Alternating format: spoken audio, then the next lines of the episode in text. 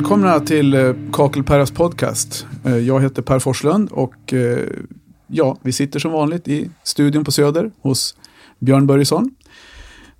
Ja, som vi brukar inleda med så tackar vi för alla kommentarer och feedback vi får. Det, jag vet att ni lyssnar, några stycken där ute i alla fall. Det har jag sett, det är några som följer oss till och med. Så det, det är riktigt kul faktiskt. Och som sagt, förra avsnittet eh, som ni har hört innan det här, då pratade vi lite grann om gör det självarbeten och vad man ska tänka på eh, och inte tänka på. Men fallgropar och vad man ska göra och inte göra. Och så vi följer upp det idag helt enkelt med ett eh, lite fördjupande avsnitt om eh, bland annat gör det självarbete, men eh, vi har med oss en gäst idag och eh, han kommer från Västerås, kallas ibland för Kocken. Välkommen Pontus. Tackar. Eh, ja, du får presentera dig själv. Eh, vem är du? Vem jag är? Eh, jag är idag en 38-årig kille som eh, kommer eh, från eh, byggbranschen, där jag också var platssättare ett tag. I ungefär 15 år blev det. Eh, sen eh, hoppade jag in och blev eh, eh, skadeförebyggare på ett försäkringsbolag. Okej, så du jobbar, jobbar för försäkringsbolag, du jobbar för Länsförsäkringar Jag jobbar för Länsförsäkring i Västerås. i Bergslagen? Bergslagen ja. Eh, vad heter du med en Pontus? Jag heter Pontus Asp. Pontus Asp. Mm. Okej. Varför kallas du för Kocken? Jag vet för när vi träffades 2000, när var det vi träffades? 2003, 2004? Ja, vi satt och diskuterade. Jag tror det var där någonstans. Ja. Och då hade jag jobbat ett år. Jag började 2001 eller 2002, Ja, tror jag började. Och eh, då var jag kock. ja du var... jag Ja, gick, jo, jag jag gick vet hotell och restaurang, så jag var ju kock där. Då. Jaha. Eh, och sen började jag här och då, min chef kallade mig för kocken. Okej. ja, men det är ju ganska, det är ganska logiskt om man tänker så. Ja. Eh, så, och då vart det en... eh, Han drog med mig på eh, byggvaruhusen och, och det här, bland annat kakellagret. Ja. Eh, Lasse som hade kakellagret då. Ja, Eh, så där vart jag presenterad som kocken. Så alltid när jag kom dit så sa de tja kocken. okej. Så den har jag levt vidare. Ja, så du var på kakellaget innan vi hade det? Mm. Okej. Spännande. Men du, eh, hur kom du in, på, hur kom du in i kakelsvängen då? Eh, jag, jag har en pappa som är byggare. Mm. Han är snickare. Han var väl inte sådär supernöjd när jag berättade att jag skulle bli kock. Okej. Eh, att jag gick och valde hotell och restaurang. Han hade väl kan, säkert hoppats på att jag skulle välja bygglinjen. Eh, så när jag hade jobbat, eh, gått klart skolan och jobbat några år, då tänkte jag att visst, det här är jättekul att jobba kvällar och, och mycket festa och det här. Men det finns liksom, det är svårt att bilda en familj på det här. Mm. Det måste jag göra något annat. Så då satt jag och pratade med pappa och då sa jag det. Känner du någon så eh, kan vi väl göra ett försök. Så Mm. kan jag, och så, jag kan ju ingenting om branschen. Jag visste inte ens vad jag ville bli. Nej. Så det gick det några veckor, så kom pappa och sa att du, eh, jag sprang på en, en kille, han kör eget, en liten skutt, eh, eh, som kakel och klinker. Och det är ett bra jobb, sa han. Ja, ingen aning vad det är för något, Nej. men vi kör på det. Okej. Och så fick jag numret till den chefen. Då. Ja. Jag ringde och pratade med honom och gjorde upp en tid. Och sen när jag började så frågade han, hur mycket kan du? Ja, jag upptäckte igår kväll att jag hade kakel i köket. Så den nivån ligger jag på. Det var riktigt från början. Ja, du skulle ha varit med, alltså den här podden vi körde förra avsnittet med Gör det själv, du var lite Mm. på den nivån. Om du inte har gjort någonting förut så kan du börja, åtminstone börja med köket. Nej. Ja, så när vi, men eh, då så när vi träffades, då hade du alltså jobbat i kanske två år då?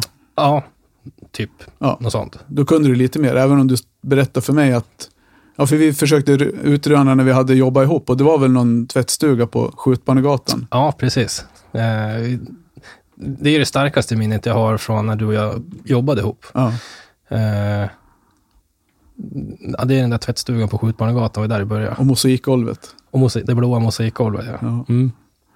Men eh, ja, och sen jobbade du några år som, som platssättare. Vad, vad tog du, så nu jobbar du som skadeförebyggare sa du. Mm. Så berätta lite mer om det. Vad, är du, vad gör du där? Eh, som skadeförebyggare så eh, framförallt så åker jag ut till våra, ny, eller våra kunder som tecknar villaförsäkring hos oss. Mm. Eh, så åker jag hem till dem och eh, går igenom försäkringar, eh, förklarar vad de har för försäkringar och sen gör jag en besiktning på de delarna där det finns mest skador på, det är brand och vatten. Mm. Eh, så det är ju badrum och det är kök. Vi kollar värmecentraler, eh, kollar brandskydd, lite inbrottsskydd. Mm. Eh, och sen stämmer man av att man har allting rätt försäkrat och man har alla byggnader med. Mm. Eh, så att den dagen olyckan skulle vara framme, att man har allting rätt då. Det är ju så tråkigt annars. Om det. Men har du, förutom din så, platssättarutbildning, har du gått någon internutbildning för att bli skadeförebyggare då? För att lära dig mer om andra byggdelar? Nej, alltså byggdelarna, det har jag helt och hållet från min egen kunskap, Ja. eh, från byggbranschen. Eh, sen har jag gått internutbildningar med försäkringar såklart. Sen eh, är ju vi ganska nördiga. Vi pratar väldigt mycket regler och branschregler och bygg. Eh, för hela min grupp är, består ju av byggare, Mm. eller gamla byggare. För, när, för när det gäller byggkunskaper också, så du har väl också, alltså, vi hoppar lite grann, Mm. privat och in och ut här Mm. nu, men för du har väl renoverat ett hus? Ja, Så du precis. köpte hus för ett antal år sedan vet jag Mm. eftersom vi har haft en kund-leverantörsrelation också när du var platssättare. Ja, jag ägde ju det där huset då när du och jag träffades. Ja. Eh, och eh, det var ett renoveringsobjekt, sekelskiftsvilla. Eh, och eh, torpargrund. Det är Ja. inget som vi försäkringsbolag gillar. Men eh, Har du kvar torpargrunden? jajamän. Ja. Och då vet du hur man ska åtgärda en sån för att den ska bli ja, precis. fuktsäker? Ja. Nej, men det, är, det är jätteintressant. Jag har jättemycket hjälp av mitt hus som Mm. jag har själv renoverat då, med allt som hör till det. Med hur man måste gå med rören och att man såklart inte har alla utrymmen som behövs. Mm. Eh, man har alltid måtten emot sig och Mm. eh, det tar tid att renovera Det gamla det. hus. Ja, Så det gör enkelt det. är det. det. Man, vet, man, man stöter på lite problem som man får lösa själv och så Mm. vet man ungefär hur man ska ställa frågan, vem man ska fråga och Ja. vilka fallgropar man kan gå i. Ja. Så, och det har jag, det, mitt hus har jag då även fått, eh, haft nytta av då när jag var platssättare. För sista firman, då hade vi både snickare och platssättare. Mm. Och det var där jag tyckte att det var lite roligare att snickra än att hålla på med plattorna. Ja just det, för du var ju hos Tony där. Då Mm. fick du väl både vara med och, bygga upp lite underarbeten och Mm. underlag och, och så vidare. Så då, då lär man sig mycket. Ja, och jag kunde en del, eh, men jag ville ju lära mig de här snickartricksen. Mm. De kunde jag inte. Och sen började några killar som var jätteduktiga snickare hos Tony och eh, då gick jag med dem så mycket jag kunde och fick lära mig jättemycket tricks. Mm. Och som man kunde fortsätta med hemma sen då.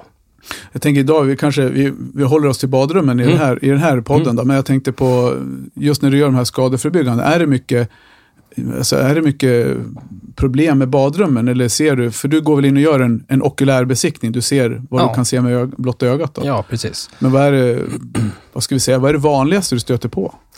Men eh, 95 procent av alla badrum som jag kliver in i så är de här klassiska rören som kommer upp i golvet. Mm. Eh, att eh, tittar man idag då så ska ju inte de finnas i golven. Nej. Där har vi jättemycket diskussioner kring hur man ska lösa det där och, och varför de inte får vara där. Och man försöker hela tiden förklara för kunden att eh, här har du här har du ett branschfel. Här har man inte riktigt gjort branschenligt. Så här ser ditt försäkringsskydd ut. Det är hela tiden den delen jag pratar. Mm. Eh, och i vissa fall, typ eh, golvbrunnar, där eh, eh, är det något som inte stämmer där, då är, tycker jag risken är ju större för en skada där Mm. än vad det är på de här radiatorrören som kommer upp borta vid dörren. Men låt säga att de har rör som kommer upp vid dörren och så blir det en skada runt golvbrunnen då, och golvbrunnen är rätt monterad Mm. så gäller ju ändå försäkringen för den skadan. Jajamän. Det är väl också ett, eh, kanske vi kan, det tänkte jag, en sån sak som jag tänkte vi kan ändå klargöra här för att många är ju de får ju nästan panik över Mm. de här rören i golvet och så säger man att då, då får vi inte försäkra badrummet. Precis. Men nej, men du får inte försäkra skadan som blir runt rören. Det är väl så man ska tolka det. Ja, så är. De flesta tror ju att eh, oj, vi fick rör i golvet, det gjorde de nedslag på. Ja. Eh, vilken anmärkning på det. Så vårt badrum, det är oförsäkrat. Ja, Så är ju inte fallet. nej. Utan får du en skada orsakad av det som är ett branschfel, Ja, då har du ett dåligt försäkringsskydd. ja, precis. Men får du en skada på det som, eh, säger brunnen var korrekt gjord, Mm, och du får ändå vattenskada, mm, då har du ett fullt försäkringsskydd. mm. Eller säga att det blir stopp i brunnen och vattnet Ja, rinner ut i ja, hallen ja, så gäller precis. försäkringen i alla fall. Jajamän. Men vad skulle du säga annars då? Så, rör i golvet, det är så, som, och sen för er som inte har hört eh, den här podden tidigare, eller som inte känner mig, så har jag gjort, jag vet inte hur många, jag har inte räknat, men ett hundratal skadeutredningar åt Länsförsäkringar med, på grund av att jag eh, kallas för sakkunnig i Västerås när det gäller badrum. För att jag är nördig när det, när det gäller allt det här. Så jag har ju hjälpt Länsförsäkringar som Pontus jobbar åt med, med en hel del skadeutredningar. Och då, då ser man ju, rör igenom golvet, det är ganska vanligt. Men vad skulle du säga, eh, vad, är liksom, vad finns det fler som du har sett som är vanliga problem? Men de vanligaste problemen, tycker jag, det är ju fortfarande än idag kan folk inte montera golvbrunnar rätt. Nej. Eh, Det här med att byta golvbrunn, alltså, det förekommer ju faktiskt, hur konstigt den låter. Vi klev in i nya, nya typgodkännanden och nya regler 1990. Då ska, efter 1990 ska man byta brunnen om den är... mm, Och, jag menar, vi stöter fortfarande på folk som inte byter brunnar. jajamän. Det, ja, senast förra veckan, då har man ju liksom... Eh, om jag säger så här, varje månad Mm. som jag är och besiktar, så har jag ett helt drös med brunnar som inte är bytta. Så, Ja. Eh, men anslutningarna ser jättebra ut, men den är ju inte bytt. Nej. Så där kan det ju finnas, det blir ju svårt med anslutningar, klämringar och tätskikt att det ska Mm. hålla.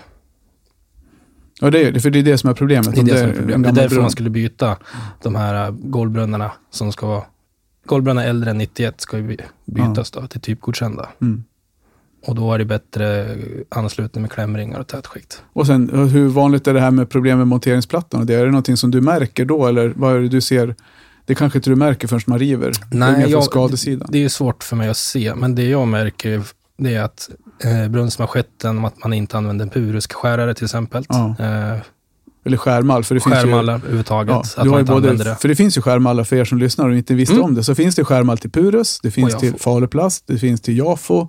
Eh, och de andra har jag ingen koll på, Blücher och alla de här som finns. Men just till de här vanligaste Mm. brunnarna så finns det ju eh, jättebra hjälpmedel för att få en perfekt nerskuren manschett och duk. Och jag vet ju, när jag började så då satt man ju och rita. Ja, Då la man klämringen som en mal och så satt man en penna och ritade. Ja. Och så satt man med eh, en ny slipa, eller en ny, nytt blad till gipskniven. ja. Och hur enkelt var det att slinta med den? Det var ju Ja, jätteenkelt. Ja, jag har ju ett bra, jag var ju ganska tidig, alltså jag hittar ju oftast, försöker hitta sådana här, vad ska man säga, eh, lättarbetade lösningar när man är ute på jobb. Så jag var ju ganska, eh, så här, hittade en modell för hur jag skulle skära ur den här manschetten då med, Du gjorde en egen mal? jag, nej men jag gjorde eh, en metod. Mhm. Ska jag, säga. jag visste vilken sorts tuschpenna jag skulle använda. Ja, med Och var, tjockleken. ja, precis, med tjockleken på spetsen. Så la jag, sen ruckade till klämringen i, över manschetten. Mm. Så ritade jag på. Och sen skar jag på insidan om tuschsträcket. Då.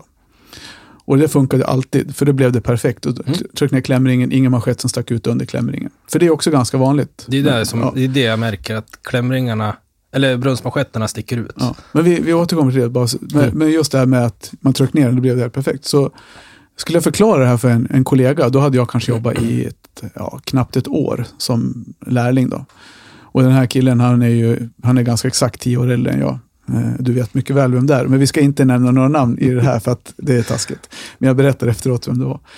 Och jag visar för honom så här, men fan så här, så här gör jag. Då blir det helt perfekt. Så du ritar på, markera, markera klämringen sa vi bara på, så, och rita på och så skär ur och trycker ner.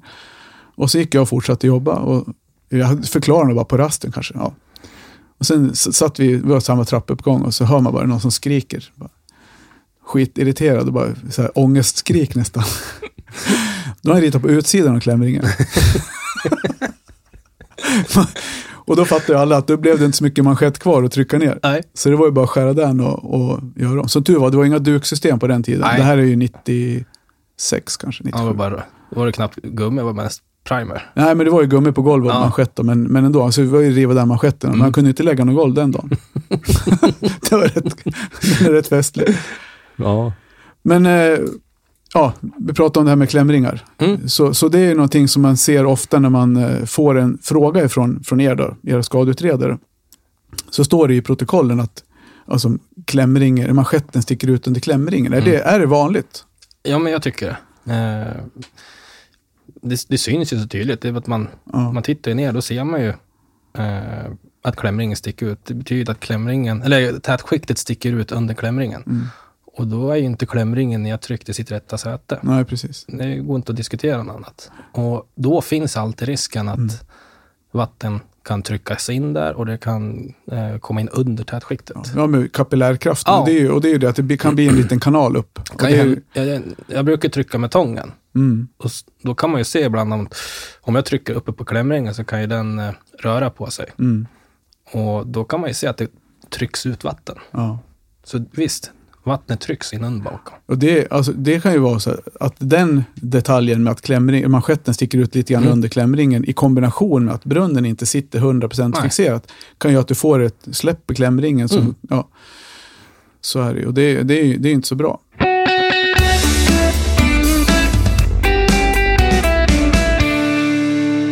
Ja, och, eh, ja, vi fortsätter. Ni som lyssnade på förra avsnittet vet att vi pratade om gör det självarbeten och eh, fallgropar och rekommendationer med underlag.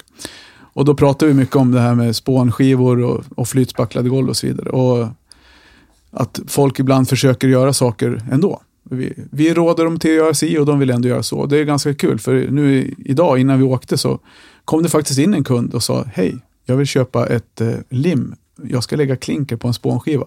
Jag vet att man inte ska göra det, men jag vill göra det i alla fall. Och då var det tur att eh, Pontus eh, stod med i butiken och stod och väntade på att jag skulle bli klar. Så du får berätta, vad sa du till den här killen? Eh, I men, eh, jag frågade lite vad han skulle göra och eh, han skulle lägga en hall. Och det låg en spånskiva där på. Och han skulle lägga klinker på. Och då sa jag det att För det hade legat klinkergolv sen Ja, tidigare och det hade precis. suttit fast. När han det hade ju suttit fast tyckte han. Och absolut, det, det, det gjorde hos min svärfar också när han skulle riva sitt kök. Det satt på spånskivor, vi fick inte ens bort det. Det satt ju stenhårt. Men eh, då sa jag, det kan ju eh, få röra sig, det är levande material. Mm. Och det ska du inte lägga någonting direkt på. Utan, eh, limma en golvgips eller lägga flytspackel med armering. Mm. Det är de två alternativen du har att välja på. För det var ju någonting speciellt. De, han skulle inte bo kvar va? De, han Så skulle, ja. Nej, de skulle ju eh, Sälja flytta, sä- sälja huset. Ja. Och då blir ju han ansvarig i tio år. Eh, och det där räknas ju lite grann som ett dolt fel. Om han gör det där, säljer huset, nya ägaren flyttar in, ett halvår senare så spricker hela hallen. Mm. Och det visar sig att det är lagt direkt på ett spångolv. Eh, det är fel gjort, kan Mm. vara svårt att få någonting från försäkring. Då får man gå på gamla ägaren. Mm. Eh, så han har ju tio år Ja. skyldighet. Och Och för det är just det, just när man ska göra de här uppfräschningarna, det är då man hamnar oftast i de här genvägstänket. Ja. Att jag vill spara in, i det här fallet så frågar jag mig, vad skulle det kosta med, med det här flytspacklet i den här hallen? Ja, materialet skulle gå på tusen kronor. Ja. Och så kanske han inte klarade det själv, så han skulle behöva fråga någon om hjälp. Men det blir ju ett moment extra, det kanske tar honom en, en halv dag extra att Mm. göra det här. Men jäm, jäm, jämföra det mot att man om två år blir uppringd av den man har sålt huset Nej. till och får ett krav på sig på menar, urrivning av en hall, återmontering av plattor, det man ska göra om det. Det går Mm. säkert på 15-20 tusen och du ska ta in en firma som gör det. Jag har ju ett sånt exempel när jag jobbade som plattsättare. Mm. Och vi, eh, ett misstänkt, eh, misstänkt eh, vattenskada skulle vi riva. För han, kunden då som vi var, han berättade att när man kliver på plattan här innanför dörren så sipprar det upp vatten i fogen. Mm. Och det var ju ett värmerör som satt på sidan. Jag tänkte direkt att det är hål i röret. Men eh, jag kan säga så här, det var inte ett rätt i hela badrummet, det var nygjort. Eh, de hade kaklat, nu ska jag tänka hur det var. De hade gipsat eh, renoveringsgips Mm. utanpå eh, våtrumstapeten Mhm. och skruvat den. Eh, de hade remsat bara skarverna, Ja. inget annat. Eh, så gipsen var ju dyngsur Mm. och bakom gipsen så rann det vatten på tapeten. Mm. Och på golvet då var det fullt med svart mögel. Och det var... Eh, de hade skruvat en gipsskiva i golvet på plastmattan som inte var borttagen. Eh, sen hade de flytspacklat och lagt klinker direkt. Så det var ju som en balja. Allt vatten samlades ju där. Mhm. Och så därför, allt vatten hade tryckts upp mot dörren. Så när man klev in där, då sipprade det upp vatten ur fogen. Det var inte konstigt. Och det var ett försäkringsärende som gick till domstol. Eh, för det där var räkning som ett dolt fel. Mm. Och det visade sig då att han, eh, nyägaren fick ju rätt då. Mm. Det är inte så kul för den här gamla ägaren då som ja, har glömt bort det där, inte vet jag. Nej. Men han får ju stå för det. Men hade den nya, han som sålde huset, hade han gjort det själv då? Eller hade Ja. Han, ja. Han gjorde det själv. Han har gjort det själv. För vi pratade om det här med, med att göra självarbeten och vad som är liksom lämpligt och, och mindre lämpligt. Mm. Men som, du besik, tittar du på kök när du är ute, Mm. alltså kakel, med kakeljobb, det tittar inte du ens på i kök. Nej, ingen, inte kakel direkt, Nej. utan i köken tittar jag på det som kan bli skador. Det, Ja, det är vatten. då. ja. Ja. Och likadant halvgolv, det tittar inte du heller så mycket Nej. på. Nej. Men, men, och det, är- för det var de som jag lyfte fram, att du kan ju faktiskt menar, sätta kakel i köket och lägga in ett hallgolv. Mm. Du tar hjälp av en elektriker med att installera golvvärmen. Och, och sen, I, jag gör ju eh, renoveringsutgivningar. okej. ja. Då tittar jag däremot mer på sådana saker. För Mm. då vill kunden eh, renovera någonting, de vet inte riktigt hur de ska göra. Eh, då kan jag komma över och så går man igenom sakligt. Eh, vad är det du behöver göra? Vad behöver du tänka på Mm. vad, hur, för att du ska ha ett bra försäkringsskydd och Mm. inte ha en skada här längre fram? För ni, ni jobbar väl också utifrån, alltså, som jag, jag vet ju det, men alltså, så lyssnarna också förstår att alltså, ni rekommenderar ju att man ska följa gällande branschregler. Mm. Både när det gäller säker vatten, golvbranschen, GVK och, Mm. och Byggkemikrådet, kakelbranschens. Jajamän. Så, så tar man ut en rådgivare så där ska renovera, då får man ju oftast en bra vägledning. Ja, och vi säger ju, vi kan inte säga nej till folk som vill göra själv. Det kan vi inte göra. Nej. De får göra själv. Men det ska vara fackmannamässigt gjort. Det Mm. betyder att det ska vara branschenligt. Mm. Eh, sen rekommenderar vi ju alltid att man ska ta en auktoriserad firma. Mm.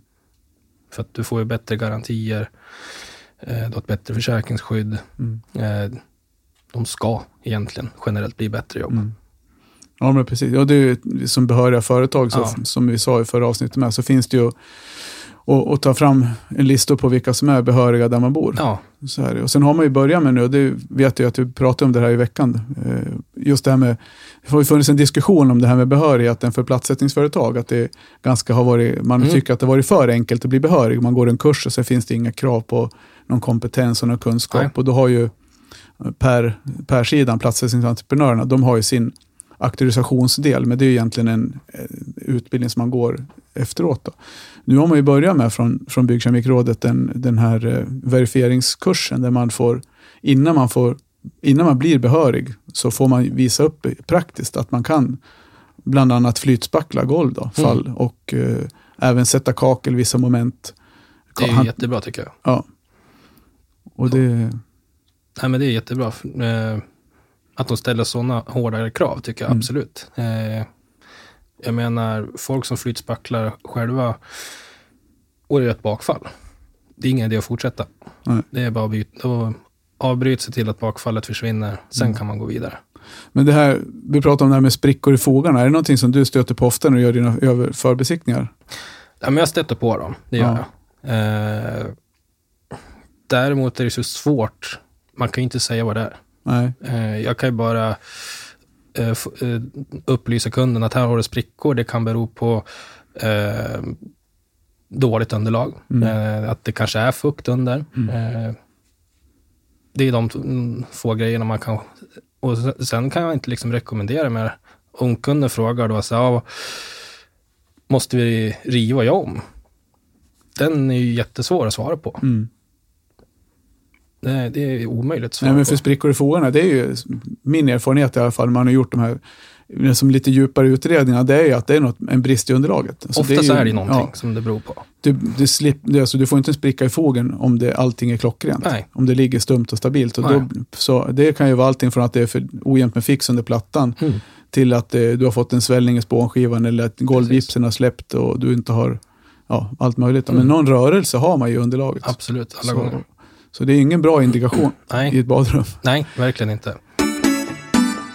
Om man säger ditt eh, jobb då, kan man jämföra det med en typ av en överlåtelsebesiktning eller det, hur ska man säga, Nej. där? Alltså, en överlåtelsebesiktning är mycket, mycket större. Den tar ju hela huset, utsida, eh, insida, vindar och hela den biten. Men det gör inte, ni gör inga sådana, utan ni gör... Vi gör grunder, jag kryper ner i grunder. Mm, Och sen tittar vi på det som rör, rör vattnet i huset. Mm. och sen är vi uppe på en och annan vind ibland. mm, Eh, men det är det vi gör, så det- den är inte alls lika stor som en överlåtelsebesiktning. Men för ibland så kan man ju tycka att överlåtelsebesiktningarna känns lite grann, vad ska säga, eh, för att inte stöta sig med någon. Ibland känns de lite generella och det känns som att man, man gör det lite lätt för sig och pekar ut ett fel utan att, alltså, men har, har, inte du några, har du några exempel på där du har stött på den överlåtelsebesiktning och tagit upp någonting som du anser vara något allvarligare? Ja, alltså när jag besiktar så försöker vi ju alltid förklara lite mer, om jag gör en anmärkning på en sak, att här har du inte riktigt rätt. Då förklarar man mycket djupare Mm. vad det kan vara. Jag har ett exempel då, en eh, kund som eh, hade köpt ett hus och eh, på besiktningen så hade de ju upplyst då att det saknas klämring i brunnen på övervåningen. och jag, vet, jag vill inte veta någonting innan jag börjar min besiktning, utan jag läser ingenting, utan jag bara kör på med mitt. Så kom jag upp dit och så såg jag lyfta på golvbrunnen och så frågade jag henne, sa de någonting om din golvbrunn? Ja, eh, det saknas en klämring. Okej, så han sa inget mer? Nej, för här saknas ett tätskikt också, sa jag. Det går inte ner någonting i golvbrunnen. Ja, nej, det sa han ingenting om.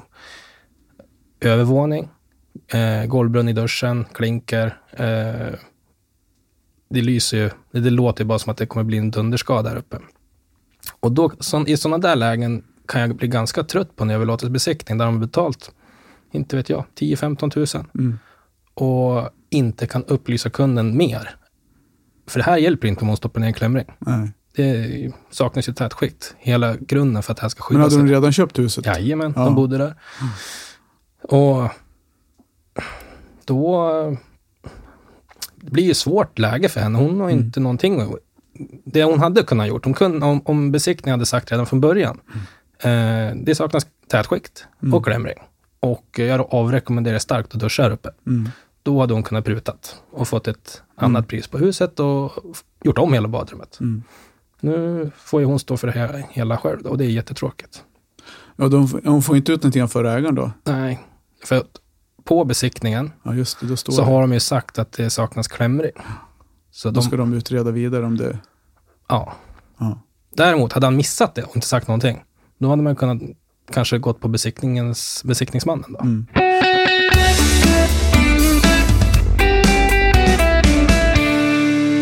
Ja, men om man nu har gjort en överlåtelsebesiktning då, har du något, vad, vad, och så förstår man inte allting, eller man, det är ju svårt ibland att förstå, Mm. eftersom du, som du sa, där man, är- det står att det saknas klämning. Vad, Mm. vad, vad ska man göra innan man köper, skriver på? Man kan absolut ringa sitt försäkringsbolag till oss på skadeförebygg eh, och eh, fråga. Mm. Eh, vad betyder det här? Vi Ja, har fått precis. anmärkning på klämring. Jag vet inte ens vad en klämring är. Nej. Eh, vad betyder det?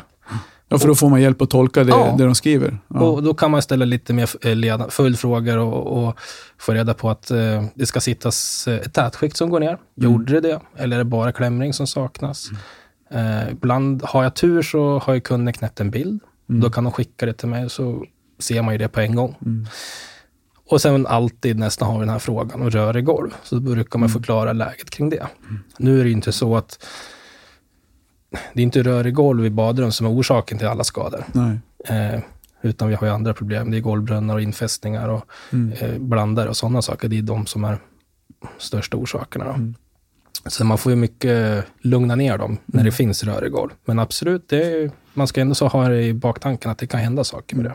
Men om man nu om man säger att man, är, ja, man köpt ett hus och så kanske man struntade i badrummet, det behövde ändå renoveras. Mm. Och så ska- vill man renovera badrummet. Om du som jobbar med förbesiktningar och den här typen av frågor. Hur, om man ska välja entreprenör då? Mm. Hur, hur ska man tänka där? Eh, Har du några Ja, generella... jag, jag blir jätteglad när, när kunderna ringer oss och Ja. frågar, nu ska vi bygga upp, eh, renovera badrummet, eh, vad har du för tips och råd? Mm. Och eh, ja, då rabblar man ju upp att eh, mitt vanligaste brukar jag säga att mellan tre till fem olika offerter. Mm. Eh, av firmor som har funnits ett tag. Det är alltid bra. Mm. Kanske inte de som har ploppat upp för ett år sedan, utan de ska ha funnits några år. Man kan läsa recensioner. Eh, lyssna med bekanta som har renoverat baden. Vilka tog ni? Eh, så tycker ni själva att det ser bra ut? Är de nöjda med dem? Mm. Gick det smidigt hela jobbet? Eh, sen eh, har man då väl valt mellan några stycken, då kan man ju kolla om de är auktoriserade. Mm. Det är många idag som, eller många, det finns en del idag som säger att de är auktoriserade, men i själva verket så är de inte det. Nej. Så det kan man ju enkelt kolla upp genom att gå in på den organisationen och säga att de tillhör Ja, precis. och kolla upp att deras namn finns med där. Mm. Man kan ju ringa, det är som Byggkemikrådet Jajamän. eller GVK. Ja. Då finns det ju listor på deras hemsida vilka Jajamän. som är behöriga. Ja. Och eh, det är inte bra att de eh, lockar med eh, falska eh, kvalitetsdokument. Det är, ju- f- För då ju, har de ingenting med det att göra. Men så det brukar vi kolla. Och sen jag brukar säga, ni får jättegärna ringa mig när ni har valt mellan två stycken kanske. Mm. När det kommer så långt. Eh, jag är ju ändå så i, i Västerås, så man kan ju branschen hyfsat bra där. Mm. Så då har man ganska bra koll. Så välj, välj entreprenör med omsorg och ta referenser. Ja, gör en grundlig Så det är här, de här standardfrågorna, men, men tycker du slarvar man med det här med referenser och sånt? Det är, min, min upplevelse är att man inte eh, tar så mycket referenser. Det känns lite konstigt kanske att ringa till någon som har, man inte vet vem det är. Men hur ska man, man måste ju försäkra sig om att den som ska göra jobbet verkligen kan det de lovar. Ja. Eh, de, de, jag tycker många, en del, de... Nej, jag har inte haft tid att kolla. Vi tog bara, de, låg- det lät bra i pris. Ja. Har ingen aning vilka det var liksom.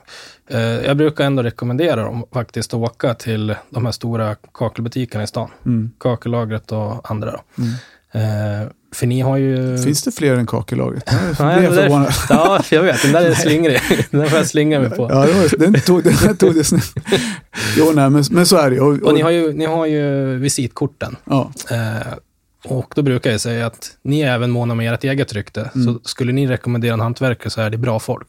ja, Så brukar jag säga. Ja, men det är viktigt också tycker jag att man, man väljer en hantverkare som kanske har som, som kan hjälpa en med renoveringen. Mm. Som inte bara Ska åker dit, och, som inte åker dit och bara skickar, ja det kostar 100 000, Mm. varsågod. Och sen gör man jobbet och går Mm. därifrån utan att egentligen ha förstått vad kunden ville ha. Så Mm. det är mycket den här dialogen. Och, det, och är man lite osäker vad man vill ha så tror jag att en, en duktig entreprenör kan ju verkligen hjälpa en till rätta. Och det är ju Mm. samma sak med, med kakelbutiker. Vi är ju, folk frågar, frågar oss ja, våran, vilka våra bästa kunder är eller vilka kunder är som kommer till oss och handlar. Och jag säger det är de som så det är ganska enkelt att köpa kakel om du vet exakt vad du vill ha. Mm. För då kan du köpa vitt kakel, finns det flera ställen som säljer vitt kakel. Men är du lite osäker på vilket material du vill använda och vart du vill använda materialet, men gå till en fackhandel som verkligen vet vad de pratar om Mm. när det gäller användningsområden och, och hela den här biten. För då får man bästa vägledningen. Och samma med entreprenörer. Med du, eh, om du vet någon som är duktig på, på hela byggprocessen så då kan du få hjälp att konstruera eller alltså Mm. utforma ditt badrum så det blir exakt som du vill ha det. Och sen har, har de, ibland har man haft turen och gjort en renoveringsrådgivning. Mm. Där har jag redan tagit upp. Det här och det här måste bytas. Det här och Mm. det här måste rörmokarna fixa. Det här och det här måste snickarna stärka upp och det här. Mm. Och så säger man, eh, ni märker ju redan när hantverkarna är här och tittar på jobbet. Mm. Vad är det han tar upp? Ja. Där märker du redan vilken nivå han ligger på. Ja. Så om han inte nämner de här frågorna som du har sett, då Ja. kanske det är ingenting att... Då är det ingenting att, att gå vidare på, tycker inte jag. Eh, där ska man vara ganska hård. Och sen eh, kan du ju göra ett eh, avtal med tid. Att eh, sätt ett, eh, ja, gör ett avtal med att det här ska vara klart om en och en halv månad. Mm. Då vet man att det är liksom där man håller, snick, eller hantverkarna kommer liksom köra på så att det är klart, så de inte Mm. drar ut på tiden. Och, där har man ju också hört skräckexempel, det har tagit ett halvår för ett badrum att bli klart. Mm. Det är hemskt.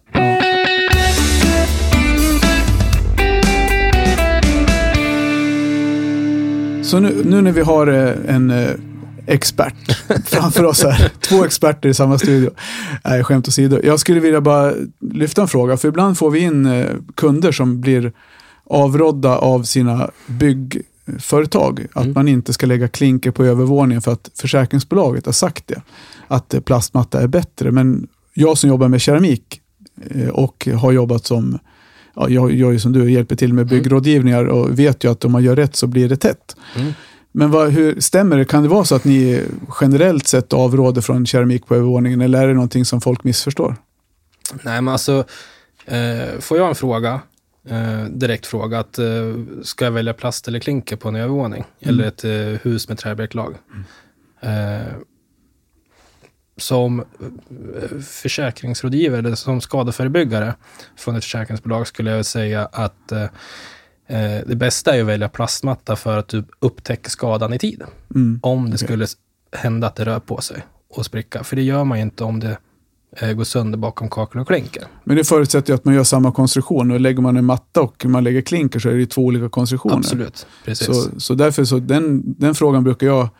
Jag kan ju inte göra så mycket när de kommer in och säger annat Nej. än att jag tycker inte som din byggare. Jag håller inte med honom Nej. för jag vet att man kan göra det rätt. Men Och jag eh, har ju själv då, som jag berättade, jag har en kåk från 1900. mm, Eh, en äkta torpagrund. mm, Jag har ju klinker Okej. i mitt badrum. ja, Och jag vet att det håller om man gör rätt. Mm. Så har jag rätt mängd flytspackel, jag har rätt eh, armeringsjärn, mm, eh, jag använder foliesystemet, jag använder rätt dimension på reglar och eh, spånskivor och allting. Gör man allting rätt, mm, eh, då ska det ju hålla. ja, Eh, hittills, eh, under mina 15 år så har jag aldrig hört att mina golv har spruckit på Nej. grund av rörelse. Det, har, det måste jag säga. ja. Som du gjorde som plattsättare. som plattsättare. Ja. Och jag har beviset hemma hos mig eh, att det har inte rört på sig där. Och, eh, men Nej, för det är, det är ju så. Vi har ju konstruktioner som... Jag mitt badrum, det är ju... Inte vet jag, slutar räkna åren för jag ska snart göra om det. Men Ja. det är 22, 23 år sedan jag Ja. gjorde det badrummet. Och det är också på torp och grund. Så det brukar jag använda som ett... Mm. Men det är klart, det finns ju alltid undantag. Om jag tänker som du har stockar, en gammal kåk där du inte har något Nej. regelverk. Men jag, ibland kan det ju vara så att det är svårt att bygga om. Så att det går att Mm. lägga klinker. Och då, då är det klart att då har man inget alternativ. nej, men sen, sen får man, man får ju dra det här för och nackdelarna. Det, Ja. det måste man ändå göra när man sitter och pratar med kunden. Mm. När de står där, ja, kakel och klinker eller ska jag plastmatta? Mm. Eh, plastmatta, fördelar, det blir inte lika tungt. Eh, man upptäcker skador och sånt i tid. Mm. Och eh, Om man tittar. om man tittar, ja. Och städar, håller rent. Ja, precis. Eh, Medan eh, kakel och klinker, det, blir lite, det tar lite längre tid att göra. Eh, det blir svårare att upptäcka.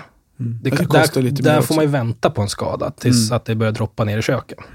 Och det är ju tråkigt. Mm. Och tyngre. För det har mycket tyngre material där. Så där behöver man ju stärka upp golvbjälkar och sånt där i Mm. rätt dimensioner. Men av alla skador vi har Ja. så består ju 35 procent av vattenskadorna. Mm. Jo, men orsaken till det är ju inte kanske tätskikt som läcker Nej. alla gånger. Nej. Och just nu idag med tanke på alla branschändringar, det är inte så här superenkla eh, att göra sitt badrum själv idag. Man är ju ganska eh, hårdare, tuffare regler, vilket är jättebra. Och det märks i skadestatistiken. Badrummen har minskat, Mm. men eh, däremot så finns det ju mycket problem i kök idag. Mm. Ja, för det är mer, mer, med vatten i kök. Mer med vatten, svårare att upptäcka. Det finns lika mycket vatten som ett badrum och sådär. Men just det här med, med, med statistik där på skador, för det är ju det är ändå så, så, i och med att vi, man som i bransch, vi är ju beroende av att sälja våra tätskikt för att Mm. vi ska få vår verksamhet att gå runt. I och med att vi inte säljer plastmattor och inte gör sådana jobb. Nej. Så är man ändå lite nyfiken på, för vi upp, jag upplever ju att om, om vi, vi tog de här LF-testen som ett exempel Mm. någon gång i en diskussion och, och att de är ganska tuffa, vi har tuffa testmetoder när vi Mm. testar våra tätskikt. Men om det, om det nu var som, som, den här stat, som det här testet visar, att det var ganska stor andel av de testade systemen som inte funkade, eh, så borde det återspegla sig i verkligheten om det hade varit skador. Men så är det ju inte riktigt, eller hur? För du upptäcker inte att vi har inte vattenskador med läckande folier. Jag har kanske inte riktigt full inblick i orsaken till skadan. Nej. Det är reglerarna. Jag får höra lite orsaker ibland. Men eh, jag jobbade ju själv då när, när jag fick reda på det här första testet som LF gjorde. Då Mm. var jag ju själv platssättare. Och eh, bara veckan innan så bytte jag tätskikt eh, system, för jag ville testa något annat. Mm. Och det visade sig då att det jag eh, bytte till Mm. Uppfyllde då kraven, eller uppfyllde det här testet. Mm. Och, men sen när jag började här, då fick jag ändå förklarat att de här testerna, det var ju egentligen mer för att eh, man ville ju åt en förbättring. Det var inte det att man ville hitta... Alltså alla är ju godkända. Mm. Alla har den här stämpeln, alla är godkända. Alla Ja, fuktskyddssystemen det är är ju godkända. Byggkemikrådet som avgör Ja, vilken som är Det är godkänd inte eller vi inte. som säger att det här funkar inte och det Nej. där funkar, utan det klarade bara inte våra test. Nej.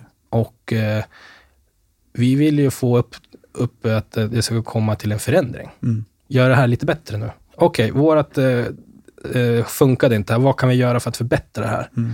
Och det visar sig, test nummer två, då var det väl en ganska bra ökning på folk som, eller material som klarade. Mm. Och det var framförallt en liten omsvängning. De som Mm. klarar sig gången först klarar sig inte den andra. Och det, Nej. och det är för att de här testerna är otroligt tuffa. Men vi ska, absolut, vi ska inte snöa in oss på det. Men, Nej. men med, med, med det som bakgrund, lite grann det vi har pratat om nu de senaste minuterna, om det här med komplicerade våtrumssystem och Mm. så. Är det någonting, skulle du säga, att man som privatperson eller konsument, ska- ska man renovera sitt badrum själv? Alltså jag säger ju att idag krävs det att du har ganska bra kunskap för att kunna göra badrum själv. Ja. Eh, För Ja, se- jag Låt säga nu den här killen som kom in i morse som mm, ska chansa och så vidare. En sån, alltså, där man känner att man inte ens har koll på de här grund... nej. Då ska man ju egentligen inte hålla på. Man ska inte egentligen lägga ett hallgolv ens. Nej, nej han kommer ju göra fel på det där halvgolvet. Ja. eh, Om han gjorde det där. Så skulle han ge sig in på ett badrum, då hade det nog alla gånger kunnat bli ett fel. För där har du mer med överlappen, du ska ha rätt lim emellan, rätt mängd. Och jag fick en ordning. luftbubbla, varför, Ja. vad händer då? Det är väldigt mycket Vi har, att tänka case, på. vi har ju ett case helt där, där vi har en kund som eh, bygger ett hus, ny, Mm. nytt hus. Och eh, fick offert ifrån platssättningsföretaget och tyckte att det blev jättedyrt. Och har någon bekant som är platssättare, Mm. eller har jobbat som platssättare, förmodligen, jag tror han är en pensionerad platssättare, som skulle göra jobbet åt dem. Mm. Och vad vi, säger vi, han skulle köpa kakel av oss till någon, något utav utrymmena. Det slutade med att han kom in till oss i butiken och, och frågade, visade lite bilder på, på det här runt golvbrunnen och frågade varför, inte, varför det inte funkar. Mm. Varför klämringen, han får inte dit klämringen. Ja, därför att då har de ju spacklat helt fel. Så de har ju lagt en sån här kant och skrapat ner yttersta Ah, okej. kanten. Så spacklet var ju typ två centimeter kanske precis vid, kläm, vid Vid brunns... brunnsflänsen. där. Så det slutade med att han tog med sig en klämring, eller en förhöjningsring, och åkte därifrån och skulle spackla upp, höja golvet då, så att han skulle kunna få dit manschetten. Då. Och det här, där ser man ju ett typexempel på att det hade kunnat bli en, Mm. ganska snabbt en ganska stor skada Mm. som han inte hade fått ersättning för förmodligen. Det hade, beroende på orsaker så, ja, det hade varit ett dåligt försäkringsskydd helt enkelt. Ett dåligt försäkringsskydd. Ja. Mm. Det är, bra. det är snyggt uttryck för att säga att man inte får någonting. Det blir dyrt att åtgärda en sån skada. Ja, men det, ja, det är skittråkigt. Ja. Så ditt råd som, alltså, det är att man ska ju anlita ett, ett företag Ja. som kan. Alltså jag tycker att det, idag kostar ju badrummen så ofantligt mycket pengar. Mm. Och det är så ofantligt mycket som kan gå fel. Eh, inte bara att själva badrummet läcker. Du får ju följdskador. Mm. Eh, ett badrum kan ju orsaka en skada i halva huset. Ja.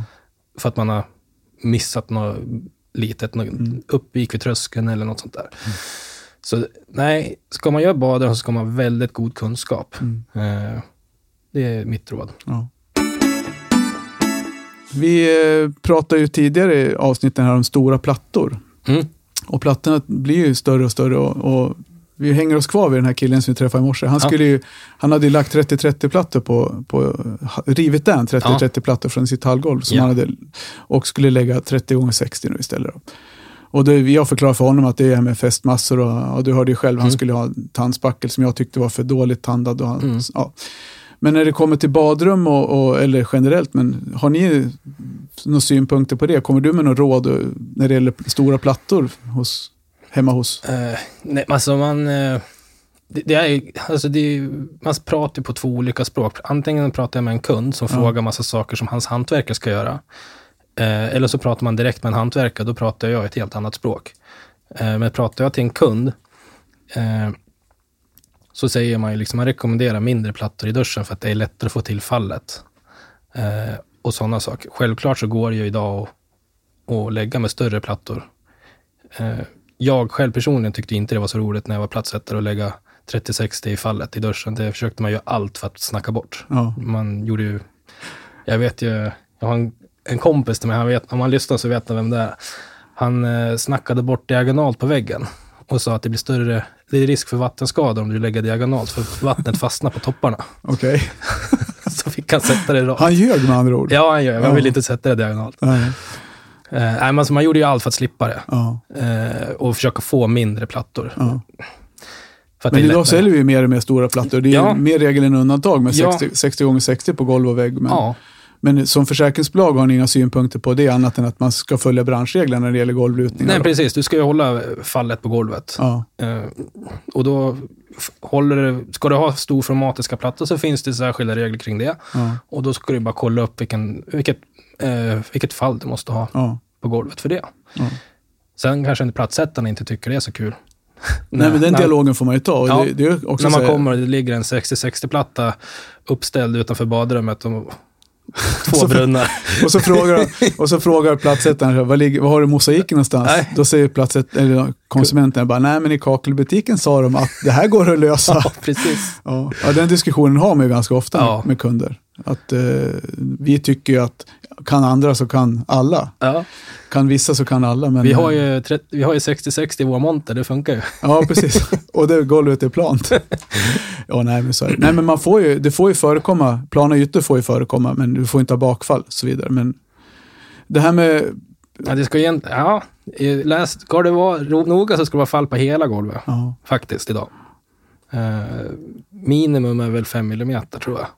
Nu är vi inne på det där. Men, men eh, generellt så ska det, men eh, sen storformatiska, det har ju särskilda regler. ja, jo men man får ju avtala andra golvlutningar om det är så, precis. men man ska ju fortfarande se till så att det inte kan rinna ut vatten där det inte ska Nej. vara vatten. Det är ju Nej. grund, grundregeln så att Ja. säga. Sen har du ett badrum som är 15 kvadratmeter så det är klart att då blir Ja. det ju inte nå, då kommer ju inte vattnet så långt. Nej, det gör ju inte det.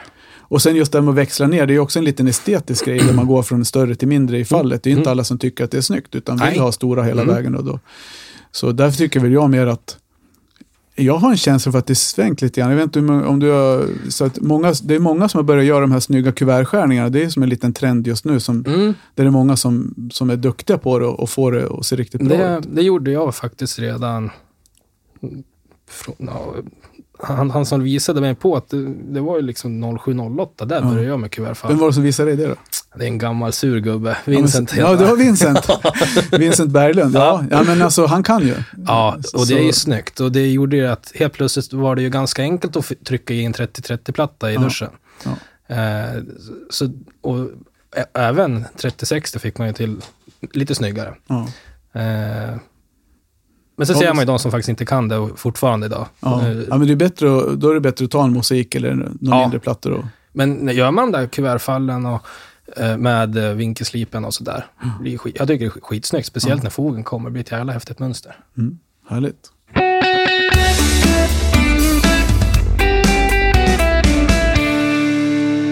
Ja, som ni har förstått så sitter vi här med Pontus Asp från Länsförsäkringar Bergslagen och vi pratar lite grann om gör det självarbeten och försäkringsbolagens syn på det.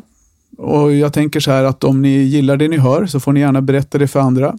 Om ni inte gillar det ni hör så får ni gärna berätta det för oss. Maila till info.kakelaget.se och fråga vad vi pratar om om ni inte förstår eller säg vad ni tycker. Eh, Det roligaste är förstås om ni gillar det och vill höra mer. Så kom gärna med tips om det är någonting ni vill att vi ska prata om eller om ni vill vara med i podden på något sätt och snacka. Så eh, ja, men jag fortsätter att prata med Pontus och jag vill bara ställa en fråga till dig. För jag har Mm. sett en hel del, eh, när jag har gjort mina skadeutredningar, en hel del galna lösningar som, där folk har gjort de mest konstiga grejer. Men du då, har du, har du, vad är det värsta du har sett?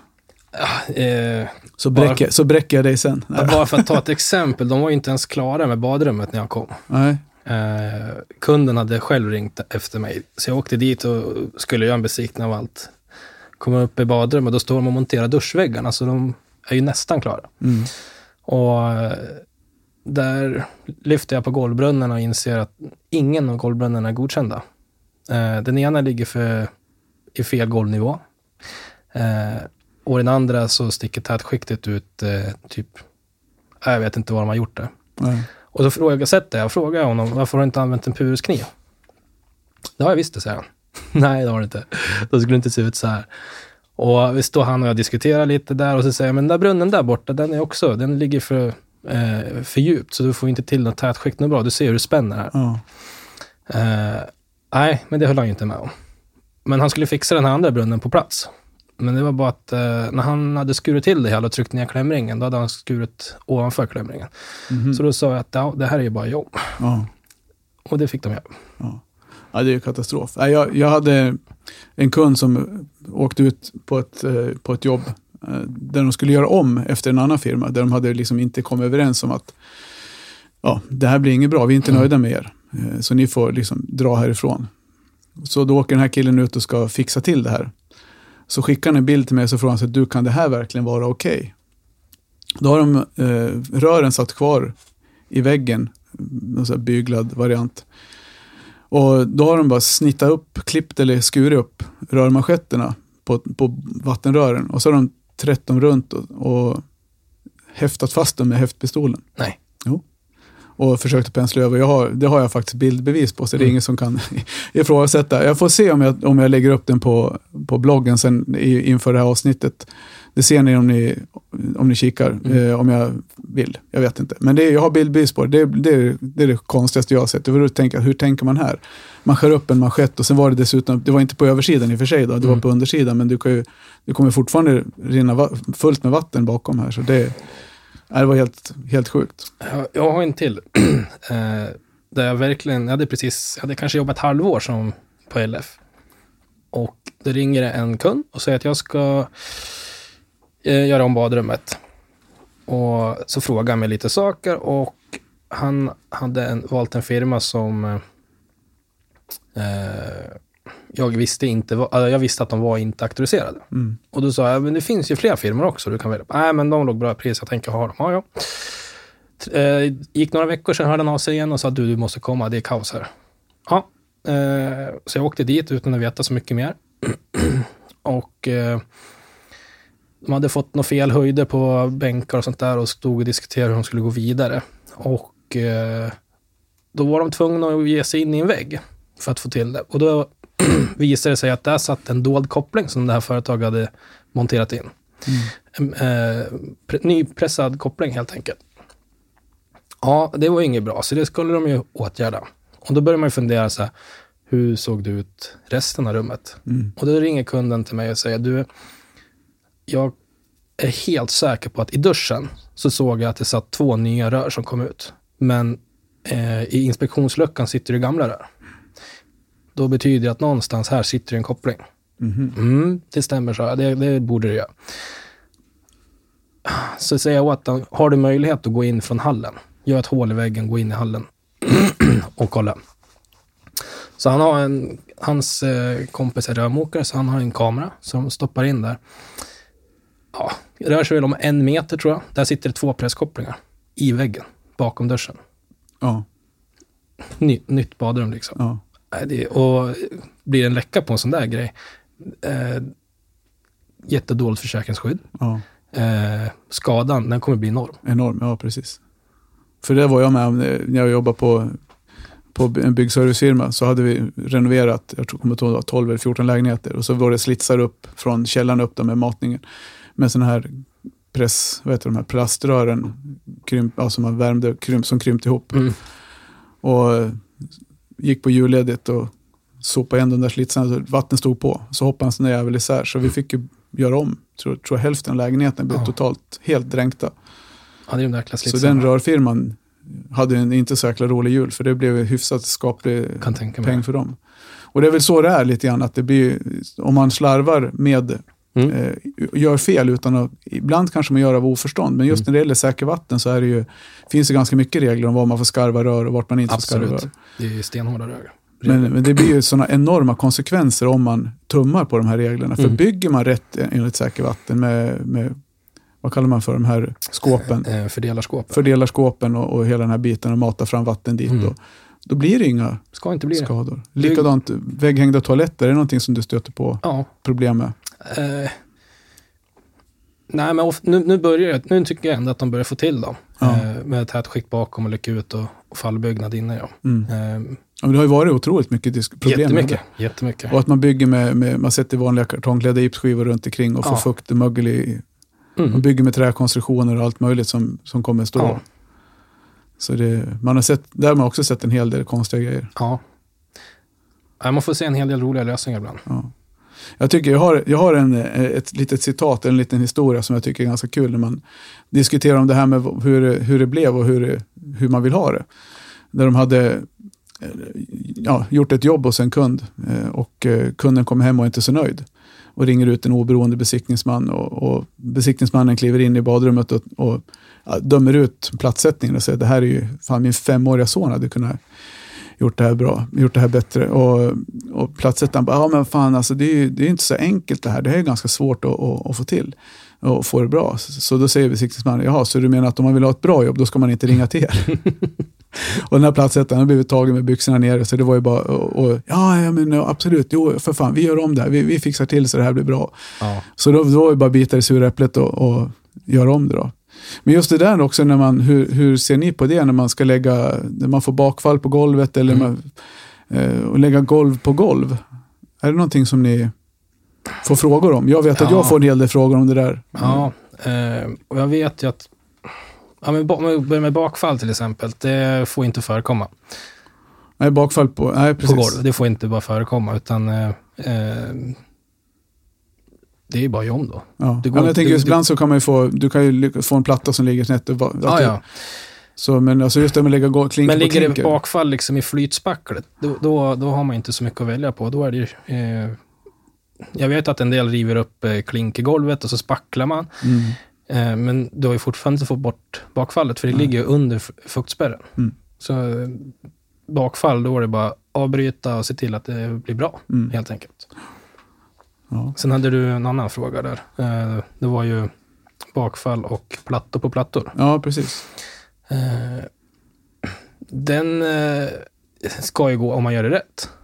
Och jag, kan, jag är inte så jätteduktig på det. Mm. Det var länge sedan jag själv gjorde det. Jag vet att man hade någon primer och spackla. Och ja, rent tekniskt så går det ju absolut ja. så, så, att göra det. Men jag tänker mer så här, just som du sa, jag tyckte du svarade på frågan ganska bra. För att det beror ju på var bakfallet ligger. Är det bakfall på tätskiktet så är det ju ingen lösning. Nej. Och det är väl det jag vill understryka. Att, men får, är det bakfall eh, på spackel och tätskikt så är det ju kakel, alltså nytt klinkergolv uppe på. Det är ju absolut ingen lösning. För nej, det kommer nej. fortfarande rinna ut till vatten på tätskiktet ja. ställa sig mot dörren. Nej, och, nej, förekommer det bakfall minsta, då avbryt. Se till att det blir bra. Ja, och med de orden så tror jag faktiskt att vi, jag tror vi kan avrunda där, eller vad säger du Pontus? Ja. Det tyckte jag var en bra sammanfattning. Ja. Är det bakfall så avbryt och gör om, gör om och gör rätt så gör det blir tätt. Vad bra, men tack för att ni har lyssnat och vi hörs en annan gång. Tack Hej. så mycket.